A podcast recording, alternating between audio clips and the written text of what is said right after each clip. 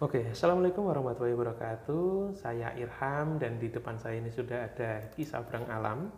Dan kita akan membahas mengenai fenomena mimpi. Jadi mimpi dari sudut pandang Islam, apakah memang mimpi itu bisa ditafsirkan? Dan ya, Ki, Iya. dia dari depan di depan saya ini. Oke. Begini, berbicara mengenai masalah mimpi, sebenarnya hal ini merupakan sebuah adat ataupun kebiasaan orang soleh, yang mana hal ini bisa ditakwilkan karena berdasarkan dari kisah-kisah yang sudah ada, mulai dari kisahnya Nabi Yusuf alaihissalam, kemudian kisah dari baginda Rasulullah dan juga kisah dari eh, para walinya Allah yang berada di tanah Jawa. Oke, berarti eh, beliau-beliau yang bisa dikatakan orang suci ini ya, Nggih. itu memang memiliki sebuah mimpi yang mana mimpi itu adalah sebuah takwil itu berarti di, di- bisa ditafsiri ya. bisa ditafsiri. Hmm, Oke oke oke oke. Nah, lalu kita kan sering sekali kan, misalnya kalau di Jawa ya, misalnya mimpi menikah, ya kan, itu kan pertanda bahwasanya orang ini sebentar lagi akan meninggal. Iya. Dan saya itu pernah mimpi kayak gitu. Saya sampai khawatir banget selama satu minggu gitu. Jangan nanti kira-kira saya matinya kenapa ya? Sampai saya mikir gitu dulu. Nah, tapi nyatanya bisa bisa dewasa sampai sekarang kan. Nah, itu gimana ya? Apakah memang mimpi itu boleh ditafsiri dan dan apakah di Islam sendiri menafsiri sebuah mimpi itu adalah hal yang lumrah? Iya. Yang pertama, mimpi kan merupakan sebuah kabar yang diberikan sama Allah melalui roh seseorang ketika dalam keadaan terjaga. Oke. Mimpi tersebut juga membawa sebuah kabar yang diberikan sama makhluknya. Mm-mm. Apakah hal tersebut berkaitan dengan kabar gembira ataupun peringatan. Dan orang yang mendapatkan mimpi semacam ini memang tidak semuanya, namun ada. Yaitu mereka yang mempunyai tingkat kedekatan yang begitu tinggi sama Tuhan. Kalau istilah orang Jawa menyebutnya manunggal, orang yang hatinya selalu eh, selalu menyatu dengan Tuhan. Berarti selalu terkoneksi ya. Iya, benar sekali. Itu biasanya bisa mendapatkan semacam wangsit Oke. ataupun bahasa kita itu eh, petunjuk semacam itu. Oke oke oke. Berarti mimpi itu kalau di orang-orang yang memang punya kedekatan se- ke secara ilahiyah itu bisa menjadi sebuah mimpi, sebuah apa? Sebuah isyarat lah, petunjuk Sebuah lah. ya. isyarat Ya, menurut petunjuk. saya gitu, sebuah petunjuk ya. Nah menarik ini.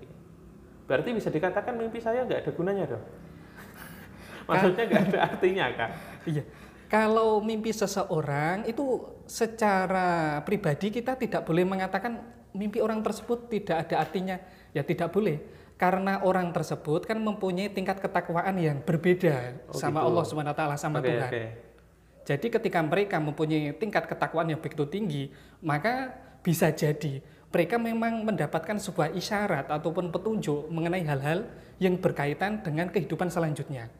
Apakah masalah keluarganya, rezeki, putranya, kedudukannya, dan lainnya. Hmm, oke, oke, jadi semacam itu ya. Nah, lalu eh, mimpi seperti apa yang bisa ditafsiri? Kan kalau kalau kan kalau tadi Ki bilang Ki Sabrang Alam bilang kan bahwasanya mimpi itu tergantung dari orang yang bermimpi, ya kan? Nggih, nggih. Dan kisah perang alam kan tidak bisa menafsiri karena bisa jadi orang yang bermimpi itu memang memiliki ketakwaan yang jauh lebih tinggi dibandingkan dengan kisah perang alam sendiri. Iya. Tapi ada nggak Ki eh, rincian-rincian mengenai mimpi-mimpi apa yang bisa ditafsiri? Karena kadang misalnya saya ya Ki, Iya. itu kalau mimpi melihat ikan atau nangkap ikan ya atau mimpi sedang maaf beol ya buang air besar itu saya selalu punya saya selalu mimpi mimpi seperti itu selalu punya keyakinan wah ini sebentar lagi dapat rezeki ini Hmm. dan memang benar biasanya ada rezeki entah all shop saya laku atau hal yang lain nah itu itu gimana? Ya. Yang pertama, mimpi dapat dikatakan benar ataupun dapat ditafsirkan bila mimpi tersebut benar menurut akal batinnya. Jadi secara batinnya itu tidak semacam khayalan, tapi memang benar-benar sesuatu yang terjadi. Kemudian, mimpi tersebut mengungkapkan kebenaran yang kukuh, yang tersimpan dalam benak, kemudian bahasanya benar. Karena kebanyakan mimpi itu biasanya berasal dari sebelumnya. Contohnya sebelumnya menghayalkan sesuatu, apakah meng- menghayalkan istri yang cantik Iya, atau iya, mengi- iya, iya. menghayalkan mobil. Biasanya ketika tidur itu akan terbawa di alam mimpi. Oh. Namun beda jika mereka itu merupakan orang-orang yang takwa, yang hatinya memang selalu menyatu dengan Tuhan lah sebutannya. Mereka itu memang biasanya mendapatkan isyarat mimpi yang benar, ya semacam tadi yang saya jelaskan. Hmm, berarti bisa dikatakan apa yang saya mimpikan itu ya memang benar karena sesuai dengan keyakinan saya. Mm-mm, benar semacam gitu itu. ya karena saya punya keyakinan demikian akhirnya saya memi- memimpikan itu ya kan Oke, jadi oke. saya dapat isyarat sebelum rezeki itu terjadi kan begitu Iya, kan semacam itu memang. oke oke oke oke jadi di Islam sendiri eh, perihal tafsir mimpi itu memang maksudnya orang-orang apa ya yang bertakwa yang soleh itu bermimpi dan mimpinya itu bisa ditafsirkan itu memang benar adanya? Iya, memang benar adanya. Bukan hanya itu saja, biasanya kalangan santri lah kita menyebutnya, orang yang dekat dengan ulama, itu kan ketika uh, mengungkapkan suatu permasalahan, biasanya mereka kan diatasi dengan sebuah doa. Oh, Dari doa beliau ini biasanya memang um, terdapat sebuah isyarat, oh apa itu namanya? Sholat apa namanya? Sholat istihor istikharah. istihoroh ya istihoroh itu ya Mm-mm.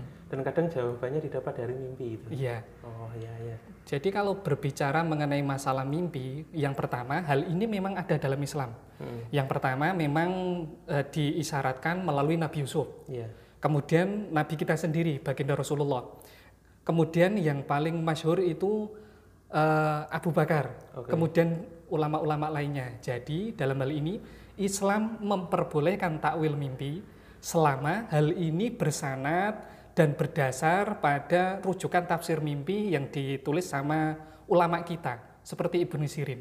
Oh gitu. Berarti asal itu ada rujukannya? Diperbolehkan. diperbolehkan. Tapi kalau misalnya yang kayak orang Jawa kan mimpi menikah terus meninggal itu kan? Iya. Apa- apalagi dulu waktu saya kecil itu pernah nonton film Deru Debu Gak tahu ini ya, yang lahir tahun 90-an pada ngerti nggak ya yang dipindah bintangi siapa ya? Aktor laga film waktu itu.